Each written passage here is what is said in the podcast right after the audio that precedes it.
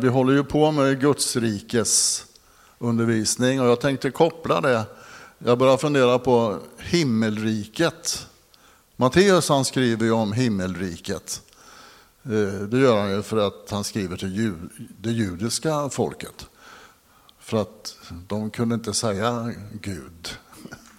De fick inte uttala hans namn på det sättet. Så därför skriver Matteus himmelriket. Men jag, men jag tänkte så här, himmelriket i gamla testamentet, där händer det ju grejer.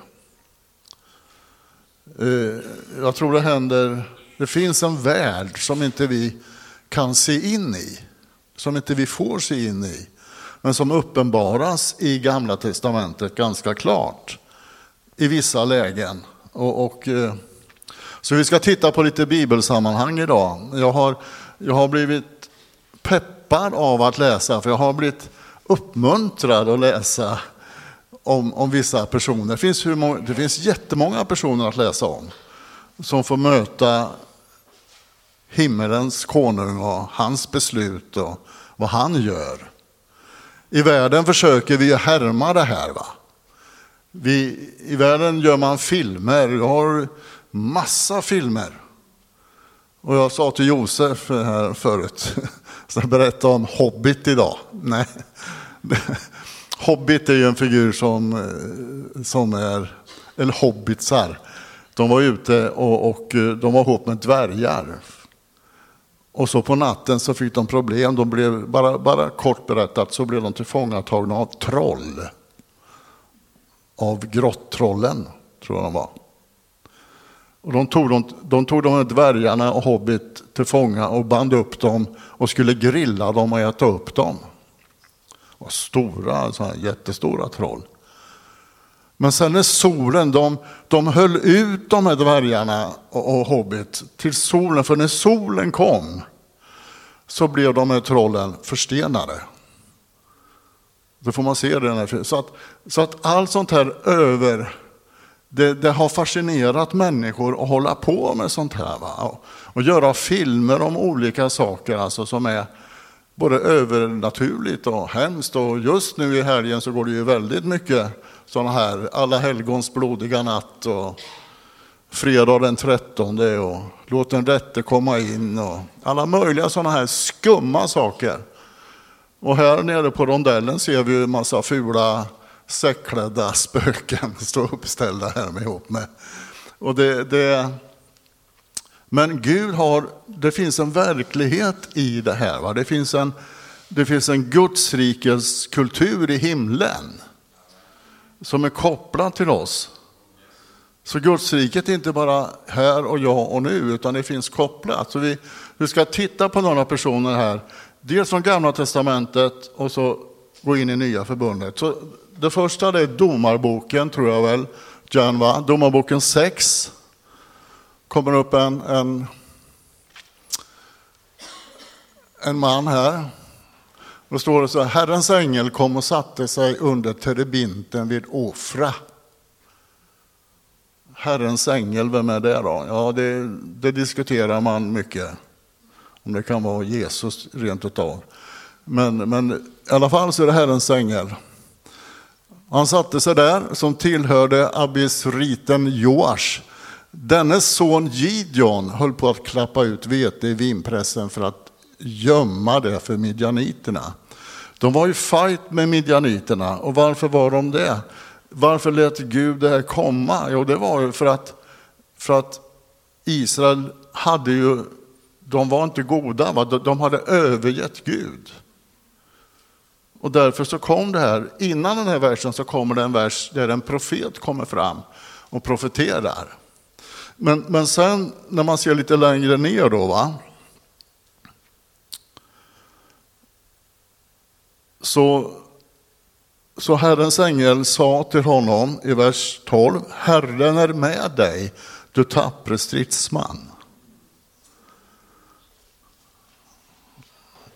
Så här, här kommer ett svar på en, på en bön.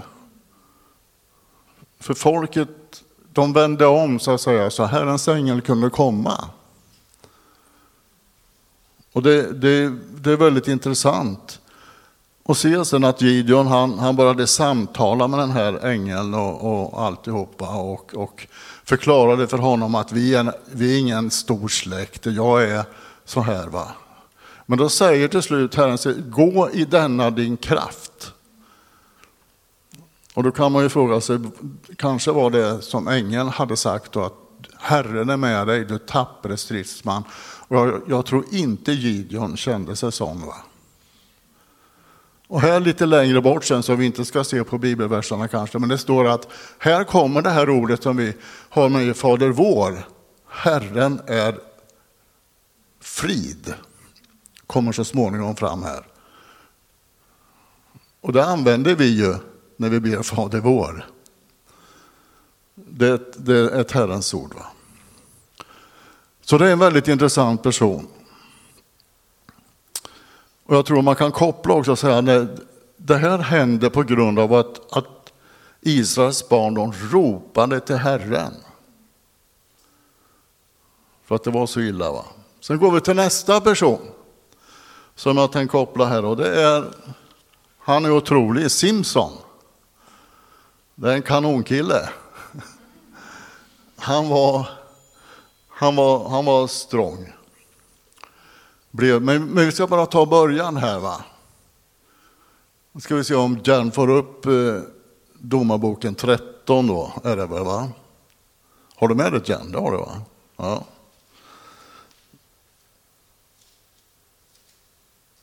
Och, och då har, man kan ju säga så här också om Domarboken att det, det går ju fram och tillbaka. De gjorde, här kommer det första versen, Israels barn gjorde åter det som var ont i Herrens ögon. Och då fick de lyda under filisterna i 40 år. Så i, i Sorja levde en man som hette Manoa och han var av daniternas släkt. Hans hustru var ofruktsam och hade inte fött några barn. Men Herrens ängel uppenbarade sig för hustrun och sa till henne. Se, du är ofruktsam, har inte fött några barn, men du ska bli havande och föda en son. Se nu till att du inte dricker vin eller starka drycker eller äter något orent. För se, du ska bli havande och föda en son. Ingen rakkniv ska röra hans huvud. För pojken ska vara en Guds nasir redan från moderlivet. Han ska påbörja räddningen av Israel ur filisternas land. En enkel familj som Gud väljer ut där, där det finns hela förloppet med. Och det roliga tycker jag det är att ängeln är så förstånd, han pratar med hustrun.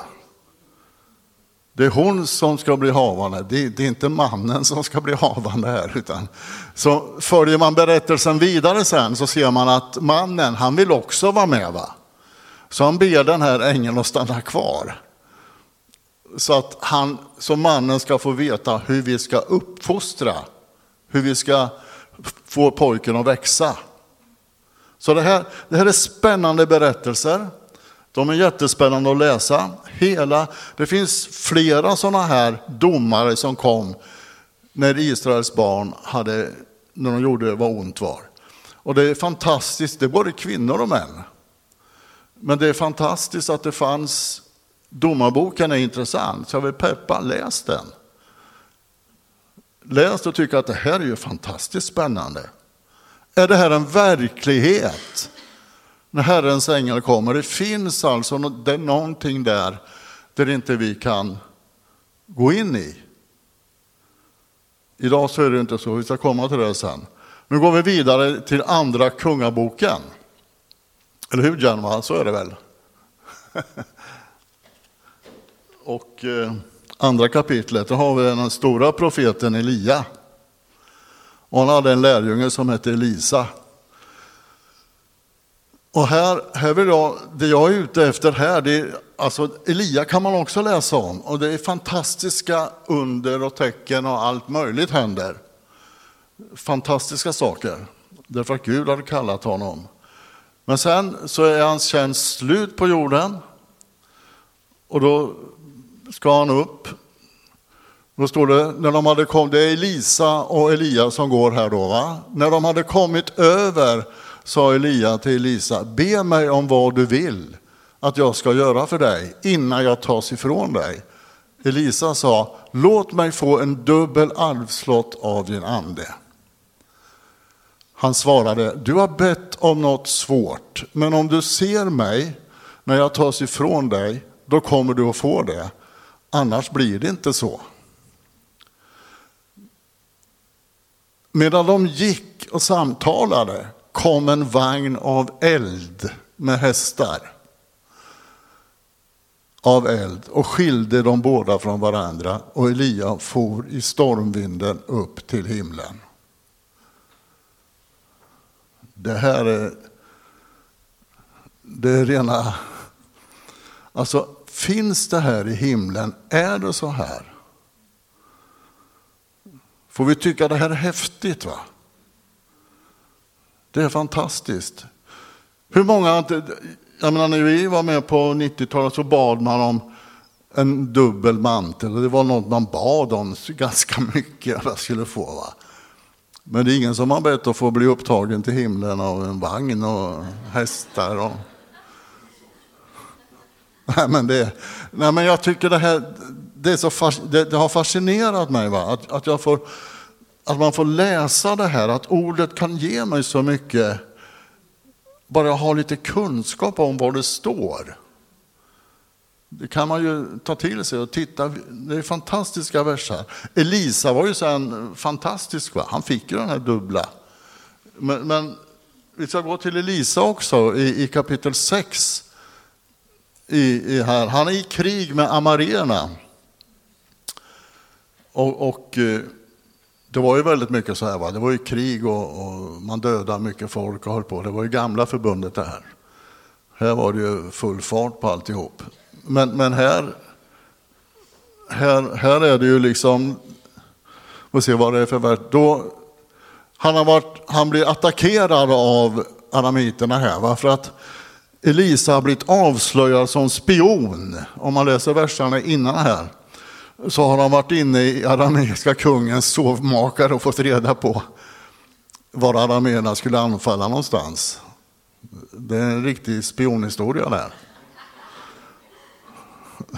För kungen blev orolig. Va? Hur kan de veta vart jag ska komma? Eh, så här, här, här har arameiska kungen kommit och då, då sänder han dit hästar och vagnar och en stor här de kom på natten och omringade staden. När gudsmannens tjänare tidigt på morgonen steg upp och gick ut, se, då hade en här med hästar och vagnar omringat stan. Tjänaren sa till gudsmannen, Åh min herre, vad ska vi ta oss till? Han svarade, var inte rädd, de som är med oss är fler än de som är med dem. Och Elisa bad, Herre, öppna hans ögon så att han ser. Då öppnade Herren tjänarens ögon och han fick se att berget var fullt av hästar och vagnar, av eld runt omkring Elisa. När man läser sånt här så tycker man det, det, det är en värld som vi finns, det tillhör oss. Vi, vi behöver bli medvetna om att det är så här. Men vi kan inte begära fram det. Va? Vi kan inte göra som Elisa gjorde. Vi har inte det, det är inte så det funkar idag. Men vi, vi, har något, vi har andens kraft idag så vi kan trösta människor, hjälpa människor, få människor lugna. Va? Gud kan göra det här för oss. Och det har ju hänt. Eh, det var en story eh, från en man från Australien tror jag han var. Det här var 1967. Eh, och han, han såg i en syn, han såg en stor här av änglar. Och så såg han dem, de stod framför ett rep.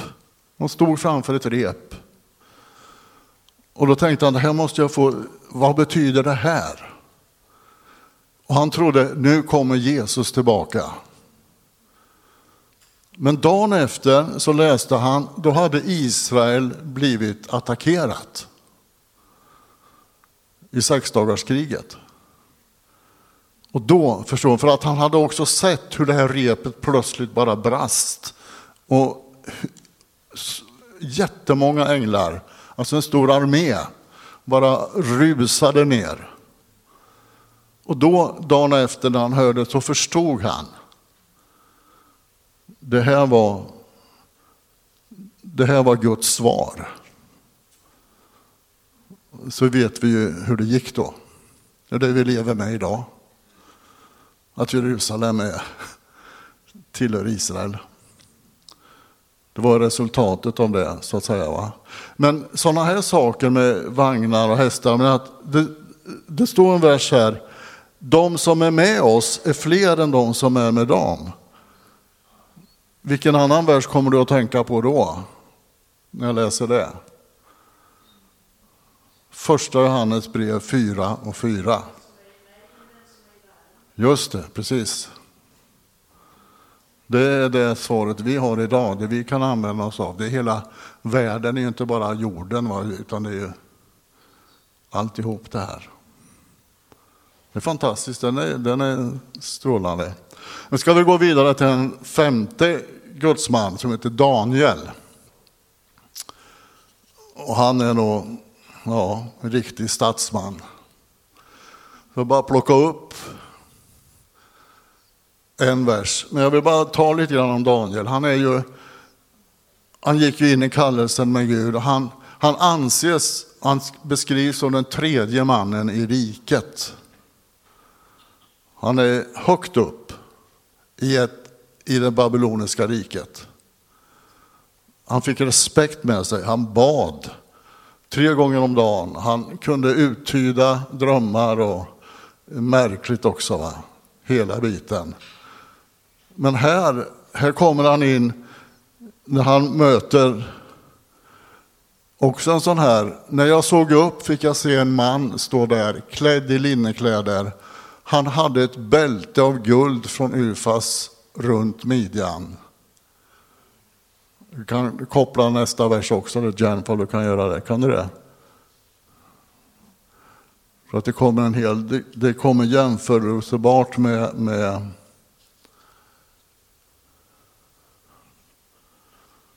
vers 6 kommer väl också in där.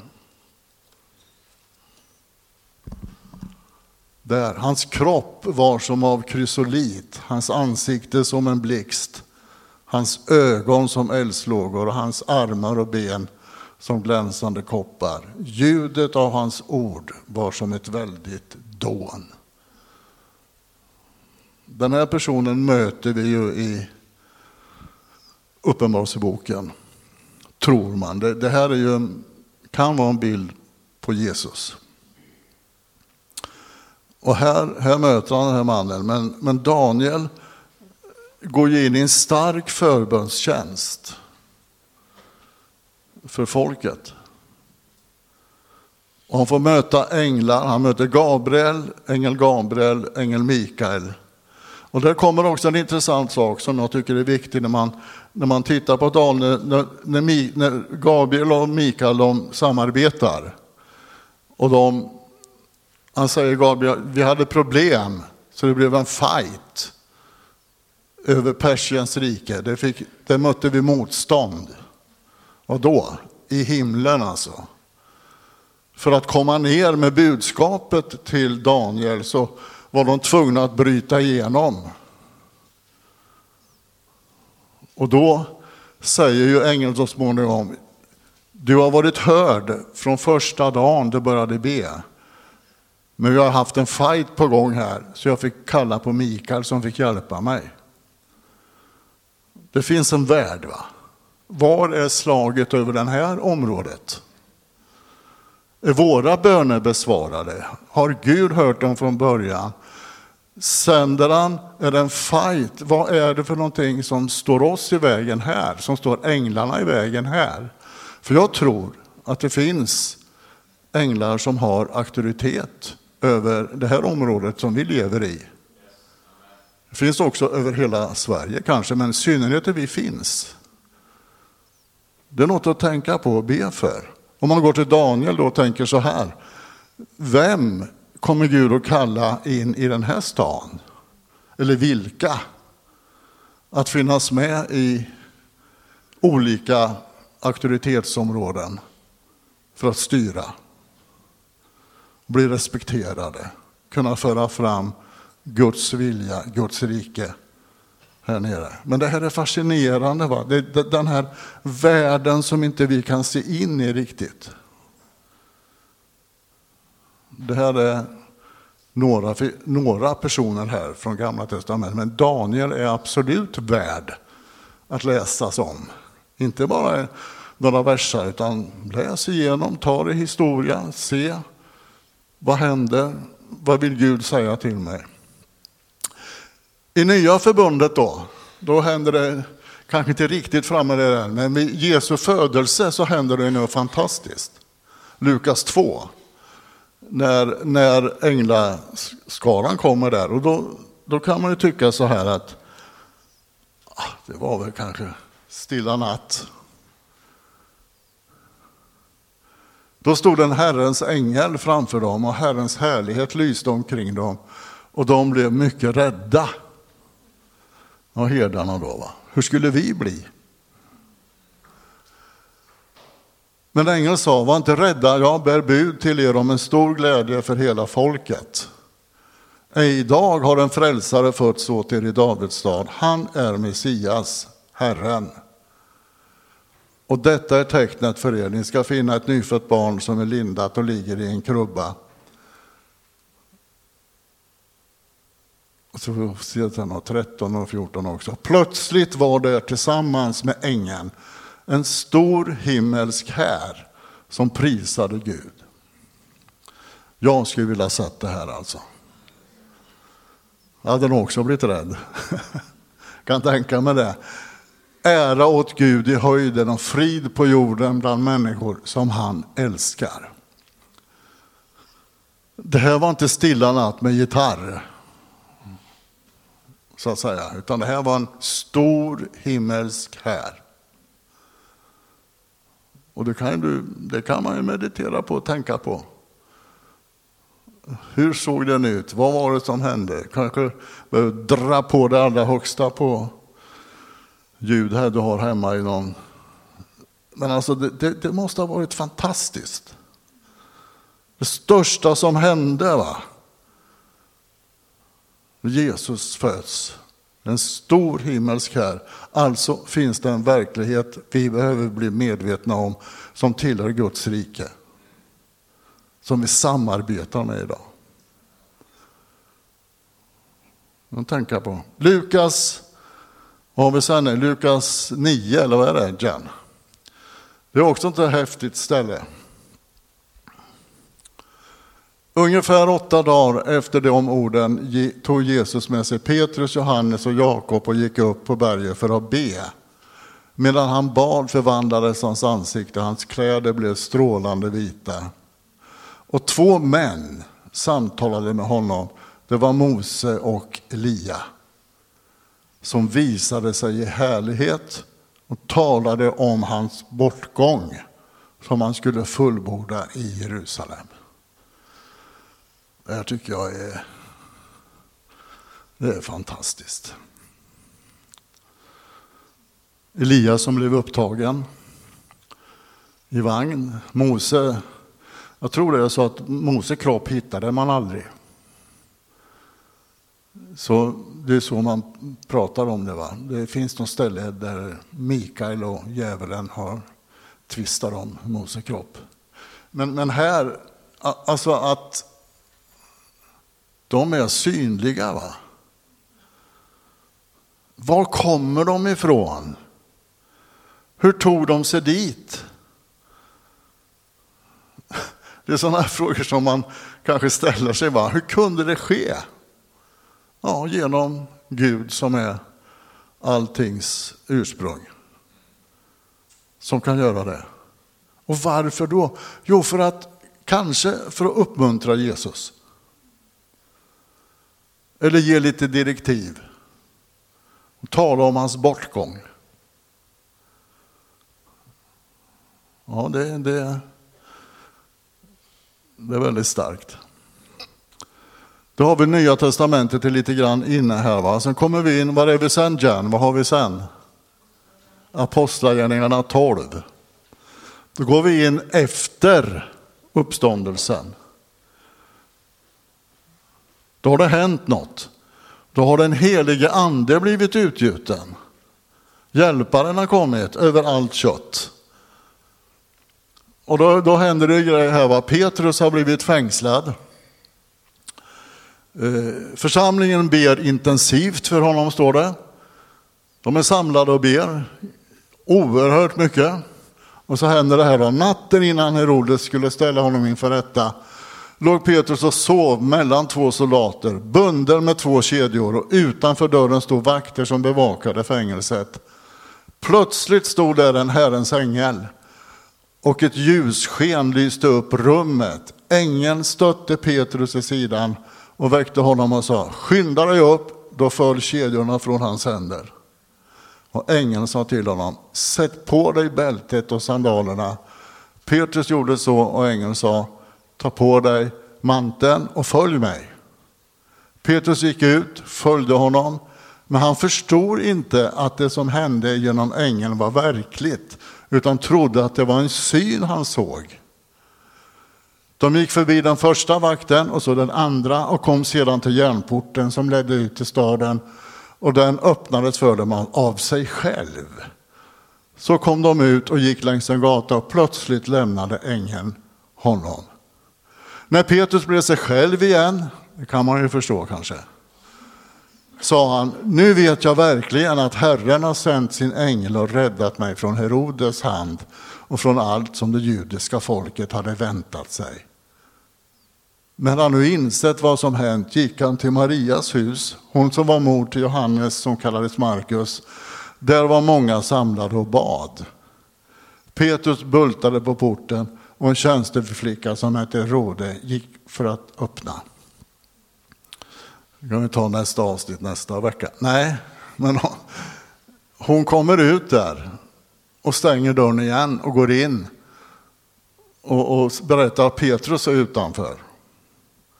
Och då säger de där inne, nej, det tror vi inte på, säger de som ber, som har haft tro för att be för det här. Det kan inte vara Petrus, det är hans ande. Eh, de bad intensivt, men eh, deras tro, de var nog ganska rädda. Men de bad i alla fall, va? de fanns där och de, de bad. Och Herren svarade på bön tror jag där. För Petrus var viktig kan man ju koppla in på det spåret och säga Petrus var ju kallad. Han var inte kallad till att sitta i fängelse så. Han hade en mycket större tjänst. Men han fick ju lida. Men, men just det att hela den här biten av att Gud är så fantastisk. När det står där att porten öppnade sig av sig själv. Det, det, det fanns ju inte sånt egentligen på den tiden, rent tekniskt som det finns idag. Att när du går, går på tåget liksom, så trycker du och så öppnas så här. Va? Utan här var det någonting som var helt otroligt. Att ta med det här när man läser ordet, att finnas med. Och ta det till sig. Och vara glad för att få läsa det, vad häftigt det är. Det är lika häftigt som alla de här filmerna som jag ibland också tittar på. Som händer. Va? Det, det, det, Gud är sån. Så kommer vi till ett ställe som handlar om, och jag tänkte så här idag, andra, det är väl så Jan andra Korinthierbrevet eh, ja, 12, Paulus resa där. Då tänkte jag så här att visst, det är fantastiskt att, det, att, att, att människor får skriva, och berätta om att de har varit i himlen. Sådär efter döden. Eller varför att en nära döden-upplevelse och allt sånt där.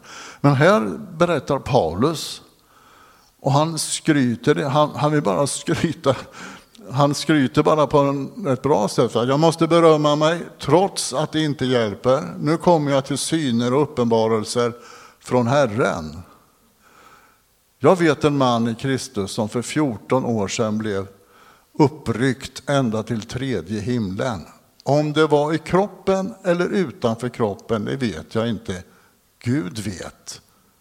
Jag vet att den mannen, om det var i kroppen eller utanför kroppen, vet jag inte. Gud vet. Blev uppryckt till paradiset och fick höra ord som ingen människa kan eller får uttala.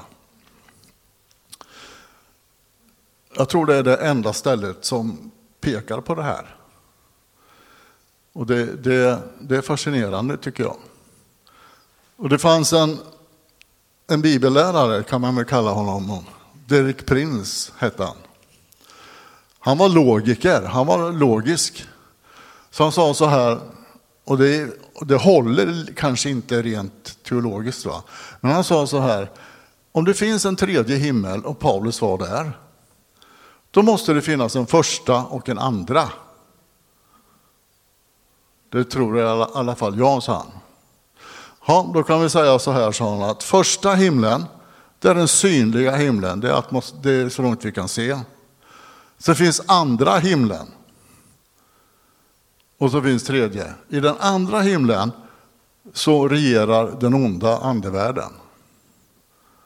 Tredje himlen är Guds himmel.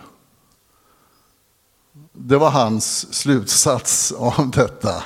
Och det finns ju inte i skriften. Va? Men, men han menar alltså att änglar får order och sen ta sig igenom. Ja, men hur gör de det då? Hur ska de komma igenom jordatmosfären? Vi vet ju att sådana satelliter och rymdkapslar de får ju problem. Alltså. De ska in, de måste komma i rätt vinkel och rätta grader och allting. För annars så brinner de upp. Men på något sätt så Va? Ja, precis. Mycket möjligt. Nej, men liksom, det är så fantastiskt det här med Guds himmel, va, med det som finns. Och det är, jag tror vi skulle behöva tänka på det, prata om det.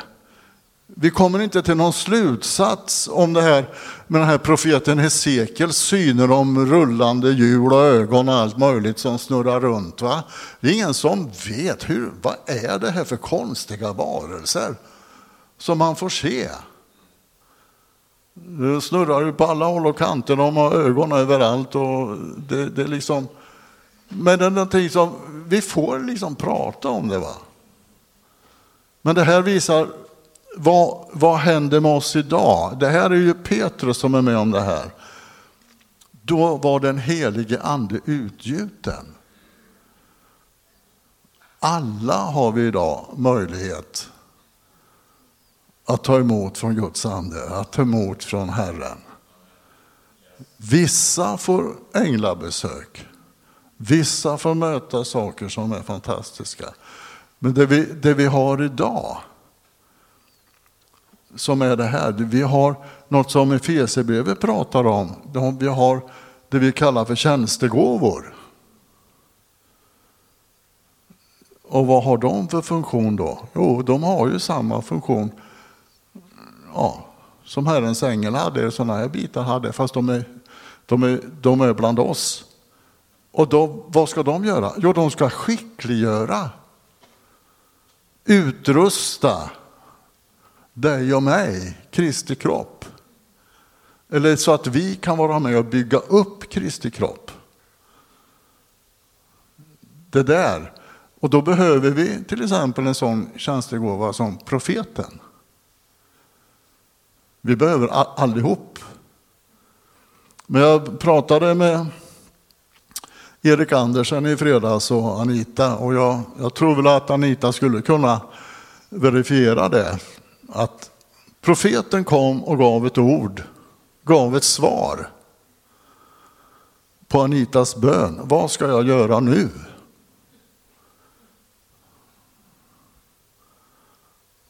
Och då fick hon ett ord från profeten, eller profet, profetiskt ord från Buck Hudson. Utan det ordet så är jag tvivlar jag på att den helande skola som har funnits hade kommit till. Därutav behövs alltså det, det är alltså det nya förbundets sätt. Det fanns profeter som kom fram, som varnade till exempel Paulus från att åka till Jerusalem. Den helige ande talar bara, sa de, om att du ska bli bunden. Han fick, en så, han, han fick veta vad som skulle hända och han åkte ändå. Va?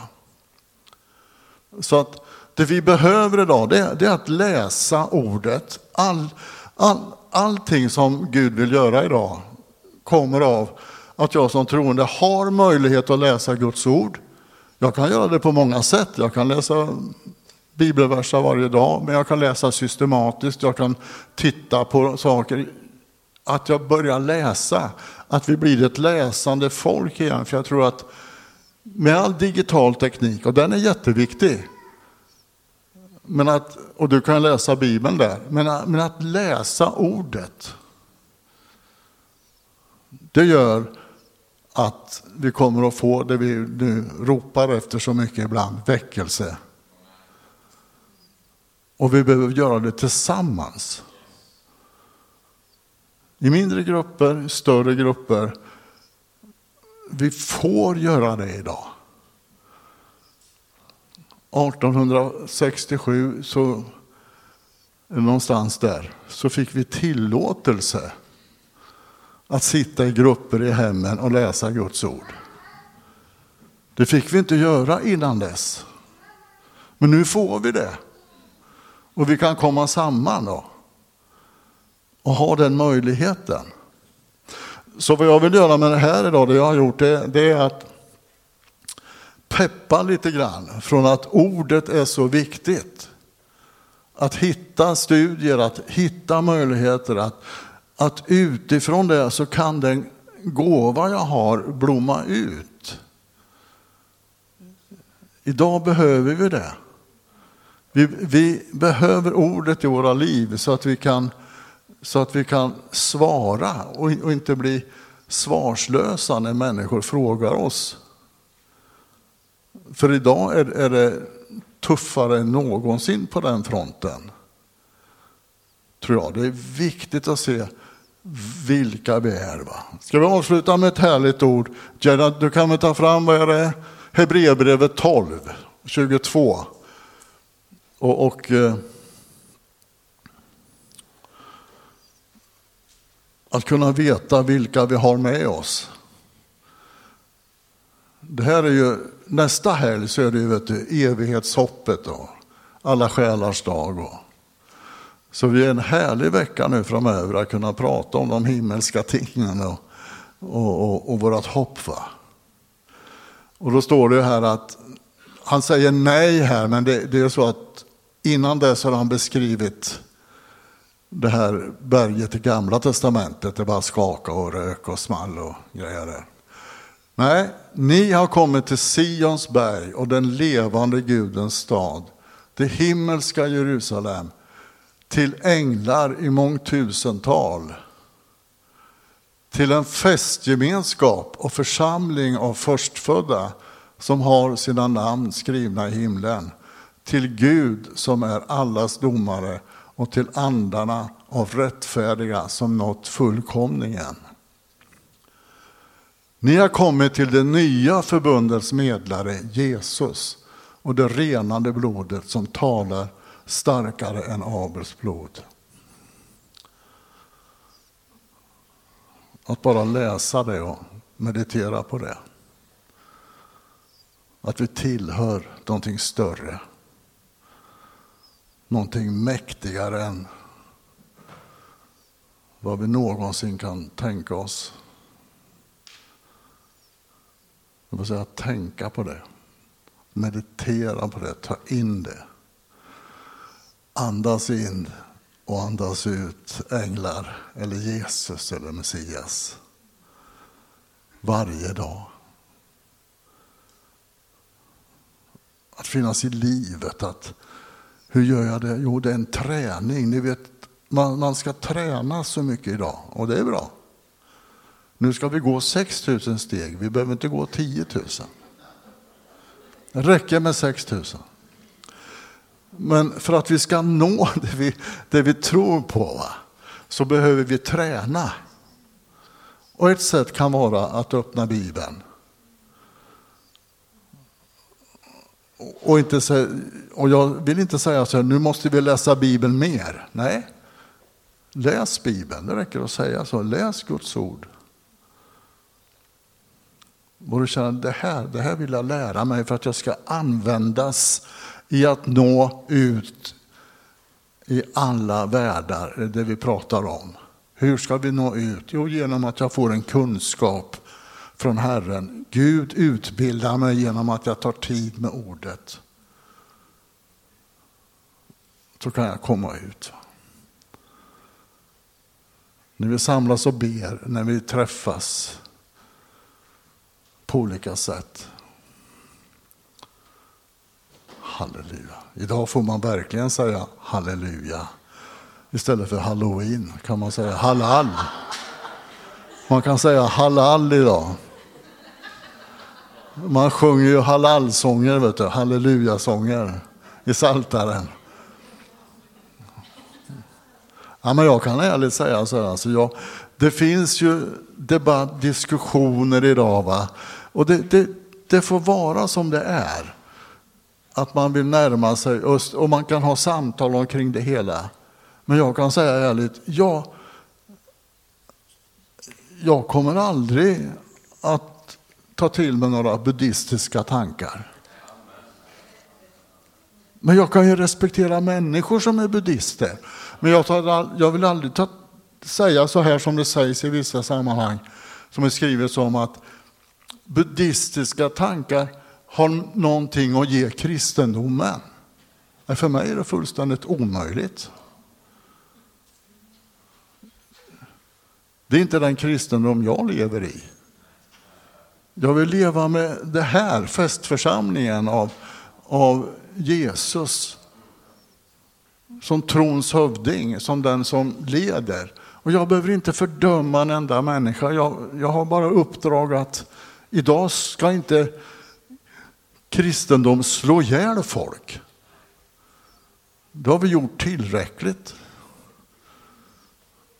Det behöver vi inte göra, men Guds kärlek alltså. Ta del av Guds ord, förkovra sig, titta vad sa Jesus? Vad säger han till församlingen? Vad säger han till oss? Jag kan säga till dig, han jobbar stenhårt med mig. Han säger, jag är inte färdig med det än alltså. Det finns mycket. Men jag kan vara glad åt livet med honom. Jag kan läsa om Herrens ängel och allting som finns där. Jag såg, de har haft en bönekonferens i helgen som var, tror jag, uppe i Uppsala. Och var det en kvinna där med barn som bad för att våra barn idag behöver få andliga fäder och mödrar. Vilket inte hon, eller hon, om hon hade fått det, jag, jag kommer inte ihåg, men man bad för det. Och jag tror att det är en viktig generation att be för idag, de mindre barnen. Hur ska vi som troende få våra barn, få våra barn att bli troende? Hur, hur ska det ske? För det finns så mycket som trycker på idag. Det är ett bönämne som är stort, som är för alla områden. Man kämpar med det. Så jag tror att ja, det är mycket att be för, det är mycket att se. Men jag vill bara som sagt vara uppmuntra till att ta vara på troshjältar som står i Bibeln. Läs evangelierna.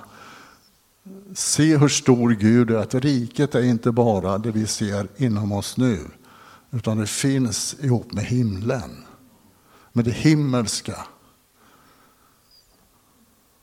Halleluja. Herre, vi tackar dig. Vi prisar dig för att du är stor och mäktig. Att du är den som inte vi kan utröna på något sätt. Utan du kan göra vad du vill. Du älskar oss, du vill, du vill få oss att bära frukt i kärlek till varandra. Du vill få oss att, att stå vid ditt ord, att kunna försvara ditt ord, att kunna stå upp med det. Helige Ande, vi tackar dig för att du vill liva upp oss efter vår personlighet. Du vill läka oss, du vill hela oss, du vill få oss att gå framåt. Så vi tackar dig verkligen Herre för att du är så mäktig och så fantastisk. Amen.